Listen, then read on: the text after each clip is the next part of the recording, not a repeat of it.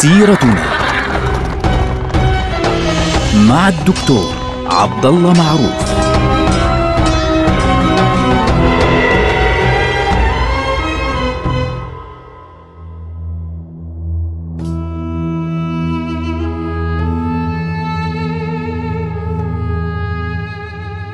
السلام عليكم ورحمة الله وبركاته. سيرتنا سيرة هذه الأمة ونحن الآن في عهد الدولة العثمانية وتحديدا نبدأ اليوم عهد السلطان عبد العزيز ابن السلطان محمود الثاني. توفي السلطان عبد المجيد الأول اللي هو أخو عبد العزيز في عام 1861 للميلاد اللي هو الموافق طبعا 1277 للهجرة واستلم الحكم مباشرة بانتقال طبيعي يعني بدون مشاكل إطلاقا السلطان عبد العزيز أخوه لعبد المجيد وأبوهما هو السلطان محمود الثاني كان ذلك في عام 1861 للميلاد. الموافق لعام 1277 واستمر حكمه 15 عاما حتى وفاته بعد عزله طبعا في عام 1876 الموافق ل 1293 عبد العزيز سلطان يمكننا أن نقول إنه جاء في الوقت بدل الضائع إن صح التعبير، يعني هو لا أستطيع أني أجي وأقول والله السلطان عبد العزيز كان أحد أسباب ضعف الدولة العثمانية، لا لأنه كان سلطانا آه، بسيط المنشأ كان سلطانا ذكيا أي نعم آه، بسيط في آه، طبيعته في تعامله طيب القلب يحب الهدوء في العالم كله يريد الهدوء الكامل لا يريد المشاكل هنا وهناك. لذلك ال 15 سنة التي حكم فيها السلطان عبد العزيز تميزت بنقطتين أساسيتين. النقطة الأولى محاولاته المستمرة لتخفيف الأوضاع وتخفيف العلاقات مع كل الأطراف يعني تجفيف كل منابع الحروب والمعارك في كل مكان. لذلك يمكننا أن نقول إنه عصره يعني يعتبر عصر الدبلوماسية إن صح التعبير. يعني الدبلوماسية طبعا بمفهومها الغربي. فالسلطان عبد العزيز كان دبلوماسيا مع جميع الدول بشكل عام. النقطة الثانية تميز عصره بتساقط عدد كبير من المناطق من يد الدولة العثمانية تحديدا في منطقة البلقان بالدرجة الأولى. وفي الداخل العثماني يعني في داخل الدولة تميز عصره أيضا بمحاولاته تحديث الدولة أكثر وأكثر. يعني استمرت فكرة تحديث الدولة وتحديث الأوضاع بشكل عام والإستفادة من التجربة الغربية خاصة في عهد السلطان عبد العزيز كان الأمر متعلقا بالجيش بالدرجة الأولى. فالسلطان عبد العزيز كان آه، طوله يصل تقريبا تقريبا حوالي المترين يعني أقل قليلا من مترين. فلذلك هو يعتبر واحد من السلاطين الطوال وعلى فكرة السلاطين أو الخلفاء أو الحكام الطوال الذين كانوا يتميزون بطول القامة يعني لا يذكرون كثيرا في التاريخ الإسلامي لأنه مش موجود عدد كبير منهم. طبعا نحن نعلم على سبيل المثال أن سيدنا عمر بن الخطاب رضي الله عنه كان من أطول الناس وهو من أطول الخلفاء الذين مروا في التاريخ الإسلامي. أيضا عبد العزيز كان من أطول الخلفاء والسلاطين الذين مروا في التاريخ الإسلامي فهو ضخم الجثة كان يعني طويل وضخم وبائن الطول واضح لما يمشي بين الناس كان يظهر بشكل واضح أنه هو أطول من غيره. النقطة الأولى النقطة الثانية أنه الرجل كان مرهف الحس. يعني كان حتى صوره تبين لنا بشكل واضح إنه كان مرهف الحس تماما. وفي زمنه آه، دخل التصوير الفوتوغرافي. لذلك هو أول سلطان عثماني يحصل على صورة فوتوغرافية حقيقية مش رسم. يعني والده عبد المجيد في له آه، رسومات كثيرة رسومات واضحة لشكله. لكن السلطان عبد العزيز في زمنه دخل التصوير الفوتوغرافي وعندنا صورة واحدة فقط للسلطان عبد العزيز وهو جالس على كرسي إضافة إلى صور آه، مرسومة طبعا يعني سكتشات وغيره. لكن صورته الفوتوغرافية الوحيدة المعروفة تبين لنا شكله بطريقة واضحة. كان آه، كث اللحية كان يرتدي طربوش قصير دائما. وهو أيضا أول سلطان وآخر سلطان عثماني يخرج في زيارة دبلوماسية. بعضهم يسميها زيارة سياحية هي لا ليست زيارة سياحية بقدر ما هي زيارة دبلوماسية إلى خارج الدولة العثمانية. يعني السلاطين العثمانيين لم يكونوا يغادرون الدولة العثمانية إطلاقا إلا للحرب فقط على حدود الدولة. لكن لم يغادر أحد منهم أبدا الدولة العثمانية من أيام السلطان عثمان الذي أسس الدولة حتى عبد العزيز ولا واحد منهم سافر خارج الدولة العثمانية إطلاقا بل كانوا لا يغادرون إسطنبول إلا للضرورة.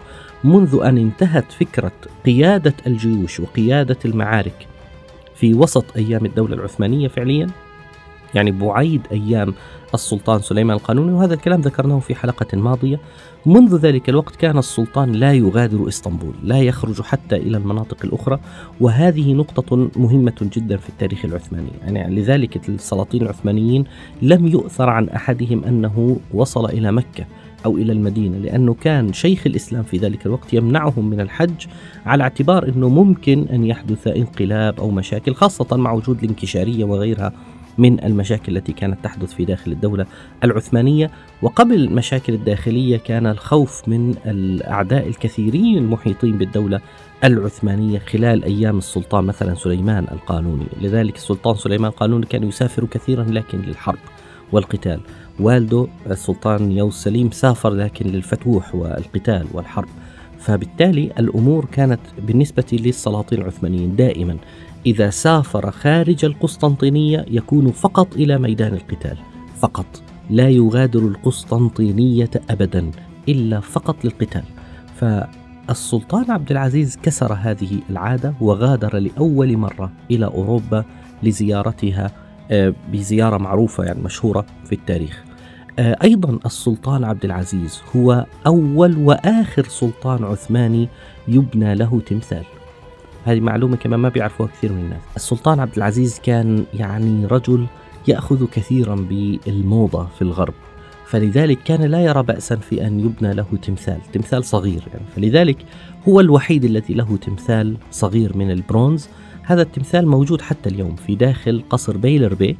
الذي آه، كان موجودا في عهد السلطان آه، عبد العزيز وهو قصر صيفي يقع في القسم الآسيوي من إسطنبول في منطقة أسكدار ففي ذلك القصر يمكنك إلى اليوم أن ترى في داخله تمثالا صغيرا يعني صغير بنحكي عن حوالي تقريبا متر طوله للسلطان عبد العزيز وهو راكب صهوة جواده. فهذا أول وآخر سلطان ينحت له تمثال.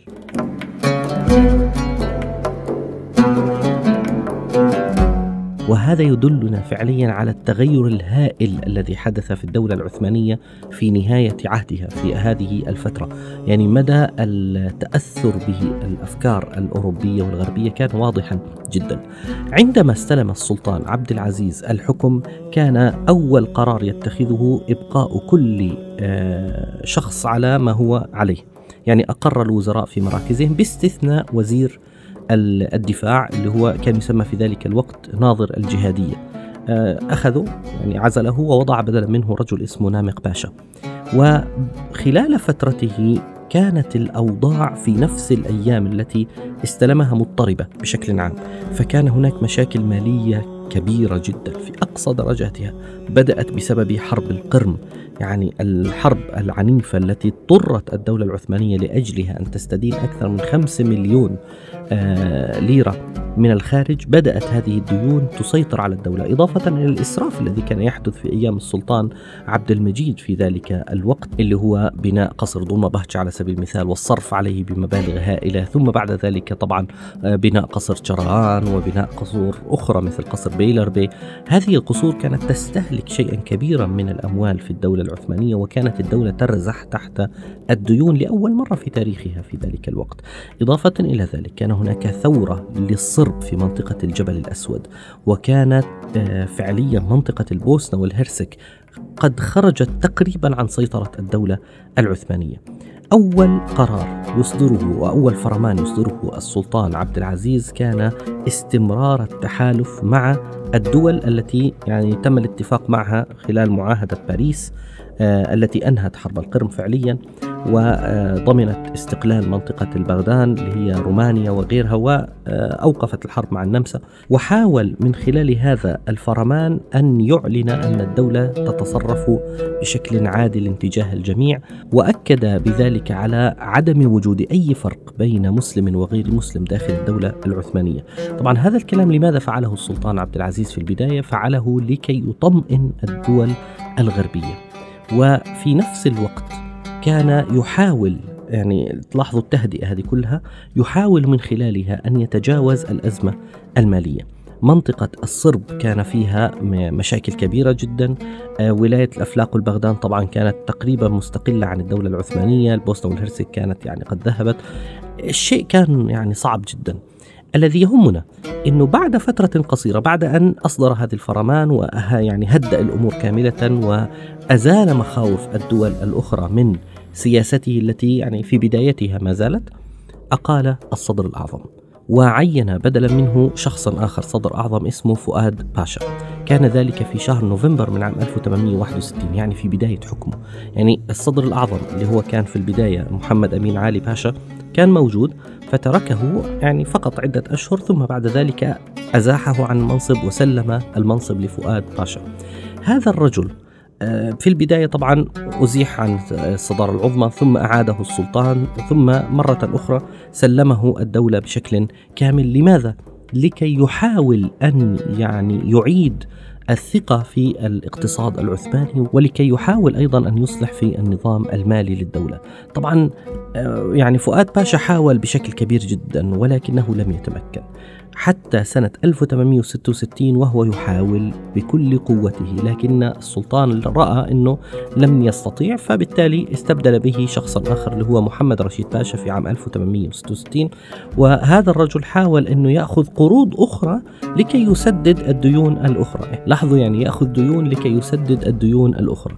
وهذا الأمر يعني يبين لنا بشكل واضح جدا أن الدولة كانت في وضع صعب جدا. طبعا من هذه الناحية انشغل العثمانيون وانشغل السلطان عبد العزيز بضبط الأمور المالية في داخل الدولة فأدى ذلك إلى خروج عدد كبير من المناطق فعليا آه، من يدها كان على رأسها في ذلك الوقت استقلال الصرب.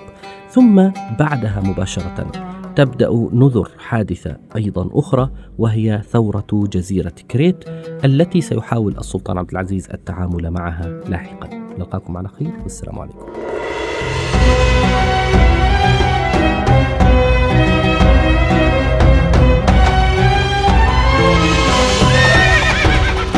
سيرتنا مع الدكتور عبد الله معروف.